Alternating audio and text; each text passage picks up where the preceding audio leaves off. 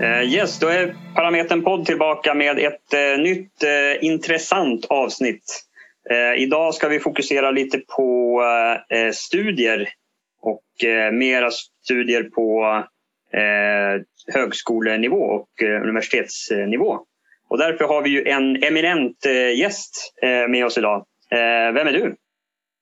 Jag heter Martina Calero och jag jobbar på KTH med någonting som heter samordnare för pedagogiskt stöd. Grymt! Välkommen hit! Tack! Ja, eh, vi känner ju varandra lite sedan eh, tidigare. Vi har jobbat på samma jobb tidigare. Det har vi gjort. Eh, I jobbar jag kvar där eh, fortfarande. Eh, men du slutade, när slutade du? 2000? Mm, det var några år sedan. Jag tror att jag slutade ja. i samband med att jag omskolade mig till socionom faktiskt. Ja, jag tror det också. Du slutade för att du skulle börja plugga. Ja, precis. Eh, vi jobbade inom färdtjänst tillsammans.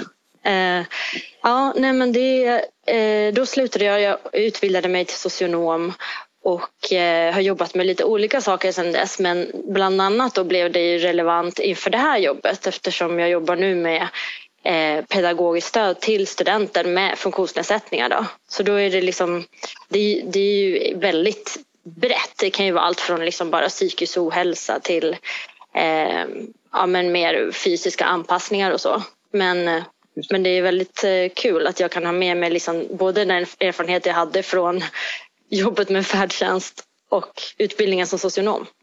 Ja, men exakt. Hur länge har du jobbat eh, som det du jobbar som nu? Två år ungefär. Mm. Nästan exakt. Ja. Grymt. Mm. Vad, vad, vad gör du mer, mer exakt på ditt jobb? Vad, vad går du ut på? Liksom? Ja, alltså det jag gör det är eh, någonting som jag tror finns i de flesta liksom, lärosäten. Eh, och det, är att man, det kallas för samordnare för pedagogiskt stöd för det mesta och på KTH heter vår avdelning Funka. Då. Funka helt enkelt. och eh, det vi gör är att vi tar emot ansökningar från studenter som eh, ska läsa på KTH eller läser på KTH som behöver någon form av anpassning i sina studier. Det kan vara pedagogiska anpassningar i samband med examinationer. Det kan vara eh, mentorer. Vi, har, vi kanske kommer in på det sen mer specifikt vilka stöd man kan få. Men det är det som vår avdelning gör då, eh, Funka. Vi, vi träffar studenter som kommer att studera hos oss eller studera hos oss och sen pratar vi om de pedagogiska stöden som den studenten behöver. Just det. Hur, eh, hur många är ni som jobbar där? Som gör samma sak som du så att säga? Vi är tre som gör precis samma sak. Sen är det en grupp till som jobbar med tentorna som jobbar väldigt nära oss. Men det, det där beror ju på liksom hur, hur stora lärosätena är och sådär. Men på ja, KTH är det ungefär 10 procent av alla studenter på KTH har kontakt med oss. Okay. Så det är ganska många studenter. Jag tror att vi just nu ligger på 1300-1400 ungefär studenter som vi har kontakt med. Så okay. då är det liksom, då, därför finns det tre tjänster då. Jag förstår. Mm. Spännande. Ja, det är höra. väldigt kul. Eh, jag, hade ju, jag läste ju på KTH ett år innan jag började på eh, vårt tidigare jobb. Eh, och då hade jag ju ett typ av sånt pedagogiskt stöd där jag skrev tentorna på dator. Mm. till exempel. Ja. så det hade jag och sen hade jag även vi hade kontakt och kollade så att lokalerna funkade och sådär. Mm. så det var det. Ja, men det är ju bra. Och sen hade jag även samma stöd på, eh, när jag läste på universitetet, mm. eh, Stockholms universitet. Eh, då hade jag också att jag skulle skriva, eh, fick skriva tentorna på dator. Då. Mm. Eh, istället. Och då var det deras motsvarighet. Då. Så jag, vet ju, jag vet ju att det finns, i alla fall på eh, Stockholms universitet, finns det en motsvarande avdelning så att säga. Men mm. det är som du säger, förmodligen finns det ju på, på alla lärosäten i någon form. Ja. sen storleken på avdelningen beror ju säkert som du säger på hur många studenter man har totalt sett. Liksom. Precis, precis. Och, ja. och liksom tanken med den här funktionen är ju då att man, man har möjlighet att få olika former av anpassningar för att liksom, utbildningen ska vara tillgänglig för en oavsett. Ja, precis. Det är ju en av våra eh, största, eller jo, men det kan man ändå säga. Det är en av våra största frågor. Vi, mm. vi värnar ganska, väldigt mycket om att, om att eh, samhället ska vara delaktigt för alla. Och det här är ju verkligen en sån puck som, mm. som är eh, väldigt viktig i den, i den eh, liksom, hela bilden. Liksom. För att dels så om du får, om utbildningen är tillgänglig så har du också möjlighet att, större möjlighet att få ett jobb, komma in på arbetsmarknaden och där också genom bli mer delaktig i samhället. Så att vi värnar ganska mycket. Vi jobbar ganska mycket både liksom regionalt och nationellt med liksom utbildningsfrågor eh, i olika, olika liksom former och beslutsled. Liksom. Vad bra. Ja, verkligen. Så det är superintressant att, att ha med dig. Mm. Så man får höra liksom in, inifrån perspektivet. Hur, för det är ju också viktigt att vi har liksom, de lyssnare vi har är ju eh, oftast eh, liksom studenter själva. Så att de vill ju liksom veta hur, hur svårt det är att få ett sånt här stöd. Hur, liksom hur, hur går man tillväga när man ska söka och så där. Ansöker man om det innan man börjar eller före eller efter? Eller hur, ser liksom, hur ser själva ansöksprocessen ut? Det kanske mm. är olika, men eh, finns det, finns det olika liksom, vägar? Ja, precis. Jag kan, jag kan berätta hur det ser ut på KTH i alla fall. Mm. Eh, och då är det så att man kan ansöka redan i samband med att man får första antagningsbeskedet. Eh, KTH har ju en del äldre eh, byggnader så i vissa fall kan det behövas att man gör någon tillgänglighetsanpassning. Så om man har behov av det, om man har något rörelsehjälpmedel till exempel, så kan det vara bra att höra av sig till oss så tidigt som möjligt. Eh, har man inte fått sitt antagningsbesked så skulle man ju till och med kunna höra av sig och säga att jag har ansökt eller jag planerar att söka till KTH och jag vill veta liksom hur kommer tillgängligheten ser ut. Det är mycket som, som är tillgängligt men om man vill vara på den säkra sidan. Eh, mm. Men sen i alla fall när man har fått sitt antagningsbesked så har vi så att man kan göra en ansökan digitalt. Så det, det, är smidigt att göra en ansökan. Det är en ganska enkel ansökan. Man behöver bara fylla i sina personuppgifter eh, och vad man ska plugga och eh, så bifogar man ett läkarintyg. Just det. Och eh, läkarintyg kanske man har men om man inte har det så behöver man som student ha lite framförhållning där och, och förbereda ett. Då. Eh, det som är viktigt att det framgår där är eh, vilken funktionsnedsättning det handlar om och eh, alltså, vart det finns en nedsättning, alltså vad, vad är behovet? Vi, vi, behöver inte veta liksom historiken eller liksom allt för mycket kring det men det som är viktigt är bara att vi vet till exempel om, som du säger Anton, behov av att skriva på dator. Eh, mm. Då behöver det vara beskrivet i läkarintyget att eh, ja, det finns en nedsättning som gör att det behövs eh, en sådan anpassning. Då. För om man har dyslexi till exempel så får man inte en, en anpassning som har med fysiska, fysisk tillgänglighet att göra. Och så här, det beror på vad man har för behov helt enkelt. Ja men exakt. Ja, men det, är, det är rimligt ändå. Mm. jag tycker. Eh, vad, eh, på tal om, om det då lite grann. Vad, vad, vad, är, vad, kan man liksom, vad är exempel på ett stöd man kan få? Jag, mm. jag hade några när jag läste på universitetet som hade sån eh, skriv anteckningshjälp. Mm. Eh, det är ju fan en kanongrej. Om man ja. säga. Eh, så, kan du berätta mer om det? det ja, anteckningsstöd på föreläsningar det är att en klasskamrat delar med sig av hans eller hennes anteckningar till Eh, en student som inte hinner med att anteckna eller inte kan fokusera tillräckligt mycket för att anteckna eh, Eh, eller inte kan anteckna helt enkelt. Eh, och eh, vi arvoderar den personen så att det blir ett uppdrag. De, de blir anställda hos oss och får det här, det blir ju en, en timanställning då, men, men de får det här som ett uppdrag hos oss och de får ett arvode för varje föreläsning som de antecknar. Just det. Ehm, så det, det, brukar vara väldigt uppskattat och det är även uppskattat för den som antecknar eftersom man får en ersättning för anteckningar man ändå skulle ta. Ehm, ja, precis. Och det brukar motivera antecknaren till att ta noggranna anteckningar. Det, det stödjer den personens lärandeprocess. Och för den som får anteckningar så blir det också, det blir såklart ett sätt att, liksom, om man nu bara fokuserar på att lyssna till exempel, så vet man att man alltid får anteckningar från varje föreläsning om man vill det. Ja precis, det är ju superbra. Och studenten som får det här stödet kan också få eh, extra saldo från oss eh, för att kunna skriva ut mer. Ja, så om man vill ha anteckningarna på papper så kan man liksom skriva ut. Eh, man får 200 utskrifter per period. Så det är fyra gånger per år man kan få det. 200 ja, 200 utskrifter i alla fall. Och det, det är liksom ifall man föredrar. På KTH har vi ju mycket liksom beräkningar och matte och sådär så då kan det ju vara skönare att ha det på papper. Eh, och då Just. finns det möjlighet för det. Ja men det låter ju rimligt. Eh, finns det något exempel på någon annan eh, vanlig, eh, vanligt stöd som förutom den här anteckningshjälpen? Finns det något annat som är vanligt? Liksom? Ja, det vanligaste är nog förlängd skrivtid. Det är 50 procent på KTH och det gäller alla examinationer.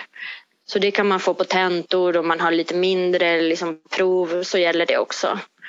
Eh, och för att få förlängd skrivtid eh, så krävs det ju då att man har något, eh, liksom en nedsättning som gör att det tar längre tid.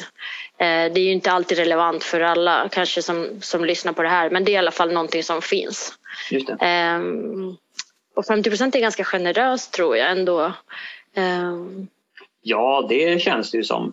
Uh, gäller det även på uh, hemtentor och sådär? För hemtentor har vi ett annat stöd som kallas för flexibel inlämningstid. Och det, det tror jag att det är flera lärosäten som har för att det innebär att man kan få Eh, det beror på hur stor en tenta är men man har en flexibilitet med inlämningen. Mm, KTH okay. har liksom inte haft hemtentor hittills. Som, liksom historiskt har det varit mycket salstentor fortfarande på KTH. Det. Eh, så det är relativt nytt för oss eh, att, vi, att vi har lite hemtentor nu. Mm. Det kom i samband med att det blev distansundervisning nu eh, under pandemin. Men då har vi, det finns ett annat stöd för det i alla fall och då kan man få extra tid eh, för hemtentor eller våra motsvarande liksom inlämningar och rapporter som skrivs och så. Just det. Ja men det låter ju eh, kanon. Ja. Det finns också um, med stöd som att man kan skriva tentor alltid i anpassade lokaler. Vi har studenter som till exempel behöver lägga sig ner och vila under tentan. Tyvärr har vi ganska långa tentor ibland. De kan bli lite väl långa tycker vi. Ja. Men om man har liksom det behovet eller vi har även studenter med narkolepsi till exempel eller med fysiska sjukdomar som gör att man inte kan sitta under liksom fyra, fem timmar i sträck och skriva. Då har vi salar med till exempel höj och sänkbara bord eller tillgång till en, en säng i närheten så att man kan ta en paus från tentan och vila. Eh, och sen skriva klart. Ja men det är ju perfekt. För jag tror att eh, alltså anledningen till eller inte, inte, inte bara anledningen, men, men en av anledningarna till att vi har eh, liksom, eh, valt att eh, prata med dig om det här är ju att vi tror att det är många studenter som drar sig för att söka mm. eh, som har en funktionsnedsättning, eller inte studenter, men personer med funktionsnedsättning som skulle kunna vilja bli studenter. Vi tror att det är många av dem som drar sig för att söka för att de inte tror att de kommer kunna klara av utbildningen eh, på grund av funktionsnedsättningen. Och därför är det ju svinbra att vi pratar med dig nu som berättar att det finns massa stöd att få och eh, olika hjälp på, på olika vis eh, för att man ska kunna klara av det. Ja, verkligen. Det vore jättetråkigt om man inte söker av liksom rädsla för att det inte ska funka. Verkligen. Precis. Eh, det är ju någonting vi har sett, eller det finns ju liksom statistik på att personer med någon typ av funktionsnedsättning har lägre utbildningsgrad än vad än vad eh, liksom den generella befolkningen har. Eh, sen vad det beror på är ju svårt att veta. Det kan ju bero på vad som helst egentligen. Eh, men det här är ju, är ju ett, ett sätt att säkerställa tillgängligheten eller att liksom möjligheten att, eh, att ta till sig utbildningen inte, inte ska vara ett hinder i alla fall. Eller det, kanske, så att säga, det kommer kanske alltid vara ett hinder men ni, ni underlättar så mycket ni kan så att säga. Ja, verkligen. Och eh, har man ett behov som man inte har stött på tidigare på ett lärosäte eller här hos oss på KTH så finns det också möjlighet att liksom ha en dialog. Jag, jag vet att eh, eh vi har haft en student till exempel som inte som behöver ett specialanpassat tangentbord och specialanpassad dator. Och där har det liksom, även när det har varit tentor på plats så har eh, distansundervisningen nu möjliggjort att vi har insett att vi också kan övervaka studenter via Zoom till exempel.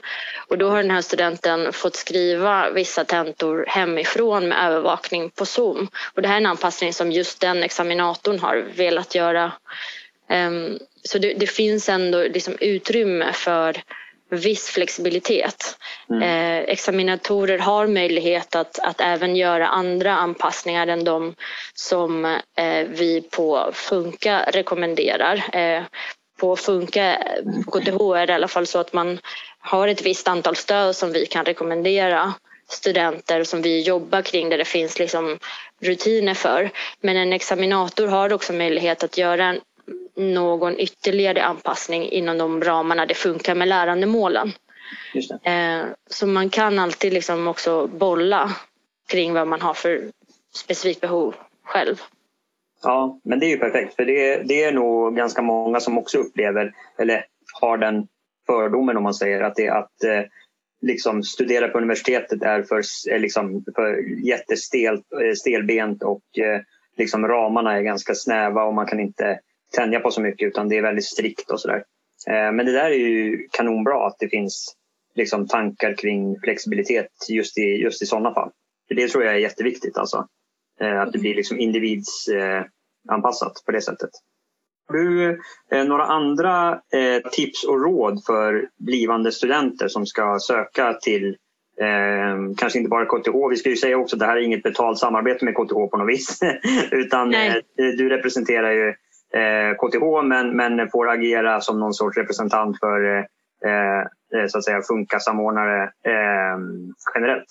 Ja, och jag tänker det kanske skiljer sig liksom lite kring rutiner och så på olika lärosäten men men jag vet att vi i vår roll ingår i ett, ett nätverk eh, där det finns representanter från i stort sett alla lärosäten. Så att jag, jag kan inte säga att alla har det men jag tror att verkligen att de flesta har det. Ja, en sån här ja, funktion. Det, det tror verkligen jag också. Och jag har mm. svårt att se, eftersom att eh, eh, universitet och liksom högskolor är så pass eh, det ska ju verkligen vara så pass generellt att det ska gälla över hela, hela, hela landet oavsett om det gäller liksom tillgänglighet eller eh, antagningar eller, eller vad det nu kan vara. Så jag har svårt att se att... Jag tror att det är viktigt att det finns en, eh, en liksom, eh, samverkan däremellan. Mm. Eh, så att ni jobbar på samma sätt. Liksom. Och det mm. tror jag säkert att det gör. Mm. Eh, så att, eh, men som sagt, har du något tips och tricks om det är, om det är någon ny student eller någon ny, någon ny student, någon person med funktionsnedsättning som har tänkt att oj shit, fan vad nice, nu vill jag börja studera. Vad ska jag, vad ska jag tänka på? Finns det något smart tips? Um, Ja, det är nog bra att ha kontakt med den liksom, funka-enheten tidigt. Eh, man kan ju höra av sig med frågor bara när man funderar på att söka också och fråga om vad man har för stöd. De flesta lärosätena har också på webben information om, om vad det finns för stöd att få eller hur man ansöker. Så man kan ju börja kika på det. Eh, men vill man ha mer specifik fråga så kan man ju ta kontakt med den enheten som, som jobbar med pedagogiskt stöd och ställa frågor kring vad det finns för anpassningar. Ehm, och sen att skicka in en ansökan tidigt. Jag, jag tror att eh, liksom, hellre göra det för tidigt eh, och eh, för då vet man också själv vad man, vad man har och man får liksom lite information innan och man kan känna sig tryggare i sin ansökningsprocess. Och att inte tveka i att ansöka till olika lärosäten. Jag uppmanar er verkligen till det. Mm. Um, är man intresserad av ett visst ämne eller av en utbildning då, då ska man söka. Mm. Ja, absolut, eh, det håller jag verkligen med om. Jag har ju läst eh, ett eh, x antal olika kurser, både liksom, eh, på plats på universitetet och på KTH men också digi alltså digitalt. Helt mm. webbaserade eh, enstaka kurser. Heter det enstaka kurser? Eller heter det, mm. Fristående kurser kan det heta också. Kurser, ja, precis. Ja. Eh, från eh, typ alltså åtta olika lärosäten i, eh, i Sverige. Så att, eh, jag vet ju att det funkar och eh, framförallt på ett digitalt eh, eller på, på, distans ska jag säga, eh, så är ju det eh, en, alltså det möj, möjliggör ju eh, studier på Alltså så att säga, det är mycket enklare. Det kan ju vara svårare för en person med funktionsnedsättning att till exempel flytta och söka lägenhet och du vet man behöver hitta mm. Eh, assistenter på olika, olika eh, orter och sådär om man bestämmer sig för att plugga någon annanstans. Så därför är distansutbildning eh, kanon. Och de flesta är ju så att, eller de flesta, men det finns ju många finns ju så att du skriver till och med tentan digitalt. Så att du behöver liksom aldrig besöka platsen. Jag har ju aldrig besökt någon plats jag pluggat distans på till exempel. Jag har ju bara skrivit digitala tentor och mm. hemtentor. Mm. Och det har ju funkat kanon. Jag har ju lärt mig svinmycket och det har varit liksom utvecklande och jag har fått högskolepoäng och allting är bra. Liksom. Eh, så det kan jag också verkligen rekommendera. Att titta över det utbudet, för det är också ganska stort. Eh, om man inte känner att det är ett helt program på KTH eller universitetet eller vad man nu vill plugga. Det känns lite övermäktigt. Liksom. Mm, mm, absolut. Jättebra. Ja, det, ja, pandemin har ju medfört mycket tråkigt men just för KTH har det faktiskt inneburit lite mera variation när det gäller ehm, att eh, få just eh, fler eh, delar av utbildningen på distans och vissa examinationer. Tidigare har vi bara haft salstentor och nu har det tillkommit lite liksom examinationer som man gör digitalt hemifrån. Alltså det kan vara quizar eller tentor som bara finns i det här studentportalen som man gör själv hemifrån. Det, det är bra, det skapar lite variation i, i hur, um, ja, hur examinationerna går till. Ja, precis. Och det kan ju också vara liksom både eh, kanske bra ur ett här, utbildningsperspektiv också att man inte bara skriver tentor. Alltså på ja. plats salstentor, att det finns olika examinationsformer som man får liksom tänka lite utanför boxen och inte bara tänka eh, att man ska svara på tentafrågor. Liksom. Ja, verkligen. Eh, så det är också en, en bra eh, aspekt ur det eh, perspektivet.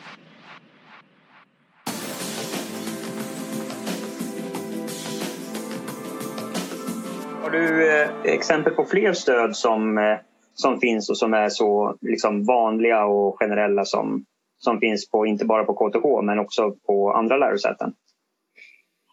Ja, jag tror att eh, de flesta lärosäten är anslutna till ett system där det finns vissa liksom, standardstöd och jag tror att ett sådant vanligt stöd är till exempel att man kan få en uppdelad tentamen.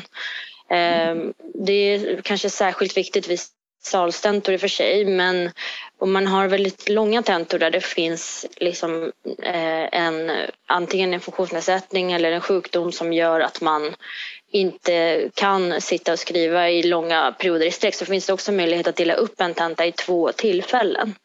Um, och då kan man istället få en halv tenta en dag och sen uh, få möjlighet till återhämtning och sen andra halvan följande dag.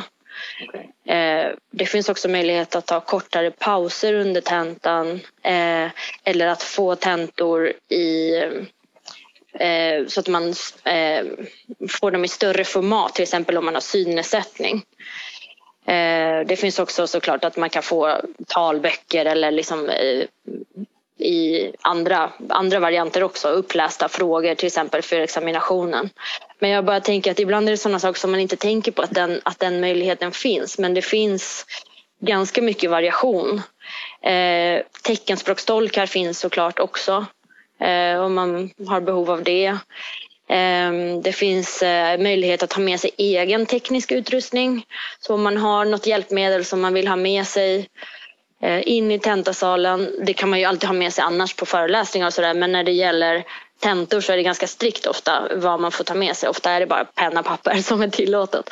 Men om man har eh, något hjälpmedel som man behöver så, så finns den möjligheten också att vi lägger in det så att det registreras och att eh, man inte behöver liksom ha en kontakt med någon varje gång man ska skriva en tenta utan vi, det, det liksom registreras automatiskt att man har ett visst tekniskt hjälpmedel med sig. Ja, Vi har en student till exempel som behöver använda en iPad ibland och har fått möjlighet att göra det för att eh, använda den här pennan för, för iPads där det är mindre friktion än, än för en penna och ett papper. Som möjliggör för studenten att skriva för hand. Just det. Ja, men det är ju perfekt.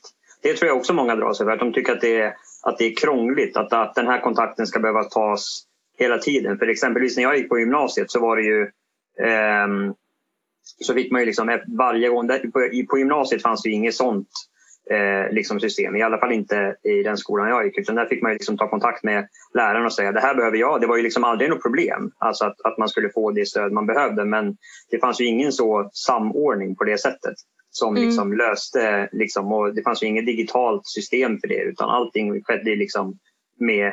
Man fick liksom snacka med den läraren det gällde. Och det var ju mm. lite krångligt men det löste ju sig alltid. Eh, mm. Men ett sånt här system är ju kanon. Och det förstår jag att ni har också eftersom att ni har så supermånga elever också. Det måste ju vara jättesvårt annars. ja, precis. Det har ju skapat ett behov av, av ett digitalt system där, där man kan göra det systematiskt och inte för varje enskild individ. Ja, eh, det kan ju vara så att man behöver ha kontakt med examinator angående vissa anpassningar fortfarande mm. på KTH. Eh, och det har att göra med där det handlar om lite mera eh, särskilda anpassningar kopplat till kursen. Eh, men för det stora hela och framförallt kopplat till tentor så har vi systematiserat det. Eh, så att man inte behöver göra det varje gång. Ja, men just det. Ehm, ett annat stöd som finns är att man kan ha muntliga examinationer som en komplettering till skriftlig eller helt ersätta en skriftlig examination. Okay. Eh, och där behöver examinatorer godkänna det stödet för det ska fungera med, med lärandemålen. Men för det mesta så går det ihop med lärandemålen. Mm. Det här kan vara någonting som, som kan vara bra att känna till också.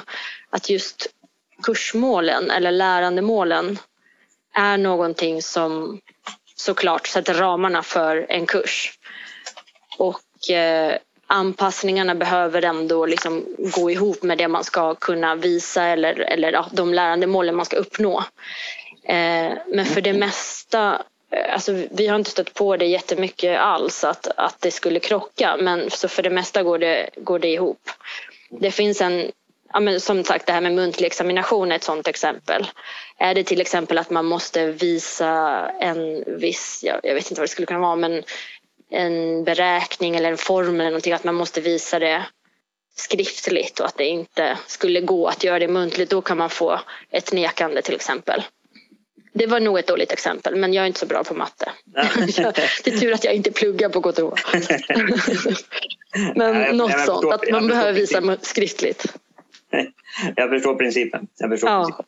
Ehm, jag tänkte eh, på det, eh, finns det mm, är det många liksom, fysiska anpassningar som har gjorts på KTH? Alltså jag tänker eh, typ med, inte vet jag, ramper eller hissar eller eh, hur ser det ut med det? För jag vet att när jag läste där så var det eh, snack om att man, man skulle anpassa en eh, sektionslokal, hette det så? Mm. Eh, jag vet inte om det gjordes, för jag slutade ju där efter ett år. Eh, så jag vet mm. faktiskt inte om det genomfördes. Eh, men hur ser det ut med det, rent generellt? Liksom? Jag är inte jätteinsatt i liksom generellt hur det ser ut. Så jag kommer berätta utifrån det jag vet. Men mm. jag vet att det finns en del gamla byggnader där liksom KTH, i alla fall huvudcampuset här i Stockholm är det ju liksom ganska gamla byggnader och där är ju tillgängligheten mindre än i de nya byggnaderna som har gjorts och, de renoverade byggnaderna. Så i vissa fall behövs, som du säger Anton, eh, anpassningar, alltså ombyggnationer behövs när det kommer en student med det behovet.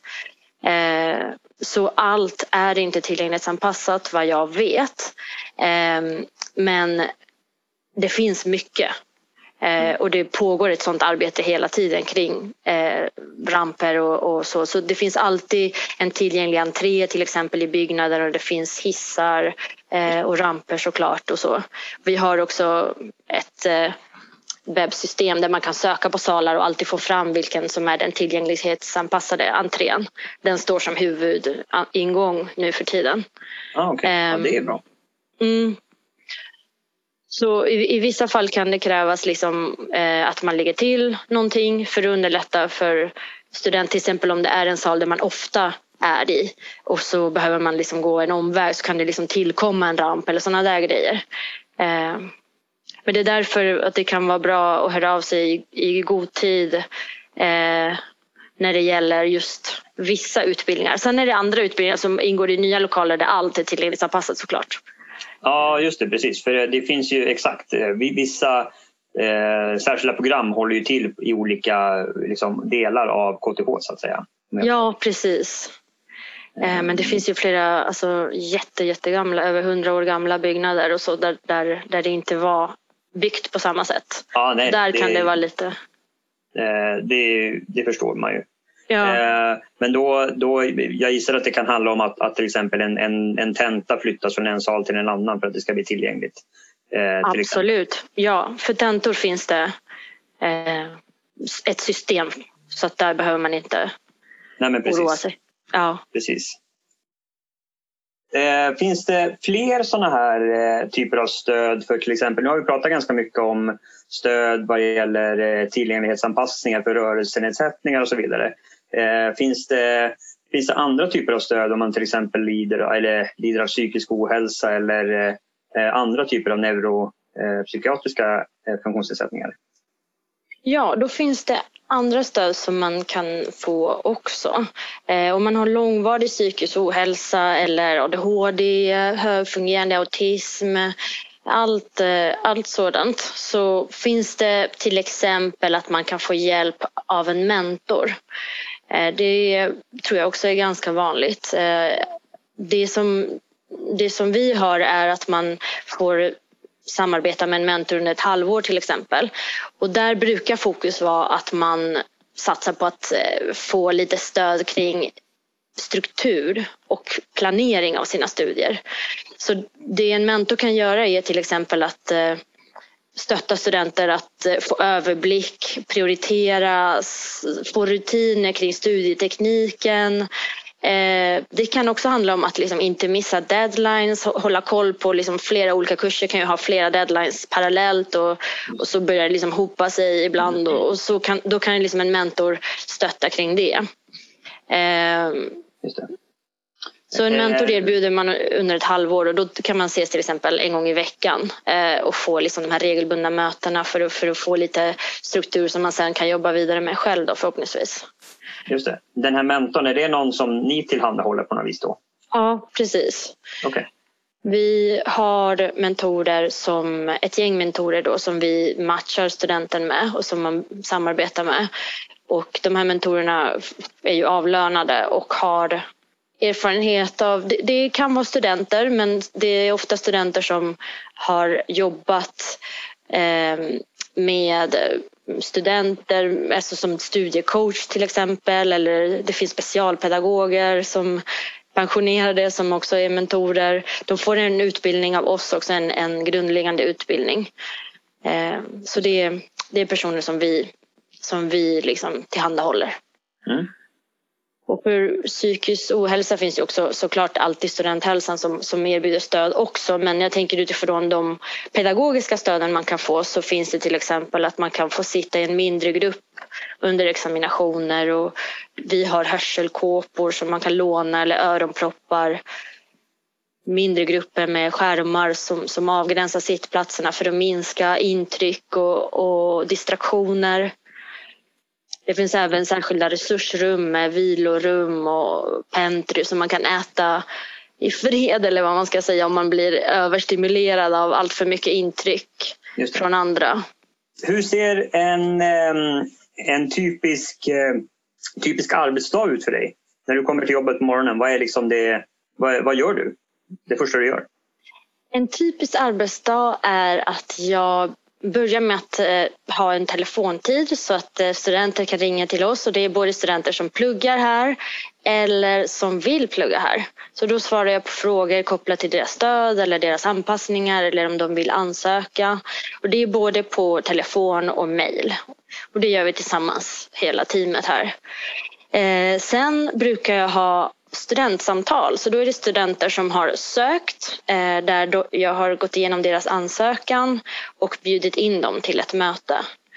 Och då träffar jag studenten enskilt eh, och om studenten vill så kan han eller hon ha med sig en anhörig om man vill det. Alltså man vill ha ett par extra öron som hör liksom hur det funkar eller så. Eller vi har också haft möten med till exempel boendestödjare om man har det. Alltså det finns ja, men man kan också träffa oss själv om man vill. Ehm, men då pratar vi eh, utifrån studentens behov, eh, vilka stöd vi har och så gör vi tillsammans en liten plan helt enkelt där vi gör ett intyg där det står vilka stöd man har fått rekommenderat från oss på Funka. Mm. Så då liksom, när, man, när man pratar så, så kommer man överens om vad, vad man behöver och vi erbjuder ju alla stöd som, som är relevanta utifrån funktionsnedsättningen. Och sen kan man som student styra att liksom säga att nej men det där passar inte mig eller jag behöver inte det så man kan ha möjlighet att liksom påverka där. Och sen får man liksom ett skriftligt intyg som student där det står liksom allt vad man har fått. Ehm, så det kan ju vara skönt för en själv också bara liksom ha och falla tillbaka på att de här stöden har jag fått rekommenderat från Funka. Ehm, och eh, det brukar liksom ingå ganska mycket i mina dagar att jag har de här mötena med studenter. Mm. Just det. Sen har jag möten, vilket ingår i de flesta jobb. Och eh, ja, men efteråt kan det vara liksom mer liksom, kopplat till tentor. Att, vi har, att jag liksom samarbetar med de som sköter tentorna och eh, kontakt med examinatorer, med studievägledare och sånt. Just det. Se till att allting lirar helt enkelt. Exakt. Grymt. Är det något eh, mer du, du vill skicka med till, eh, till våra lyssnare eh, utifrån ditt perspektiv? Ja, alltså var inte rädd för att söka eh, och för att eh, plugga på universitet eller högskola. Gå på det ni är intresserade av, tänker jag. Mm. eh, och eh, ofta finns det någon som jag eller någon annan som jobbar i, de här, eh, i det här området som kan svara på de här frågorna. Så använd oss och vänd er till oss om ni är osäkra på vad som gäller och hur, hur ni ska gå tillväga. Ja, men det är lysande. Ehm, vi eh, ja, uppmanar ju precis som, eh, som Martina eh, alla att eh, söka för ju högre utbildningsgrad, det här finns ju statistik på också, att ju högre utbildningsgrad man har desto lättare är det att komma in på arbetsmarknaden och liksom bli, bli mer delaktig i samhället på, på det sättet. Det är någonting vi, vi jobbar eh, jättemycket för. Ehm, eh, delaktigheten eh, som är superviktig. Eh, Stort tack för att du ville eh, ställa upp i podden. Ehm, så eh, får vi helt enkelt avsluta där tror jag. Tack så ehm, jättemycket för att jag fick komma. Ja, det var superintressant och supertrevligt. Ehm, så Verkligen. vi eh, tackar väl för nu och hörs nästa gång helt enkelt.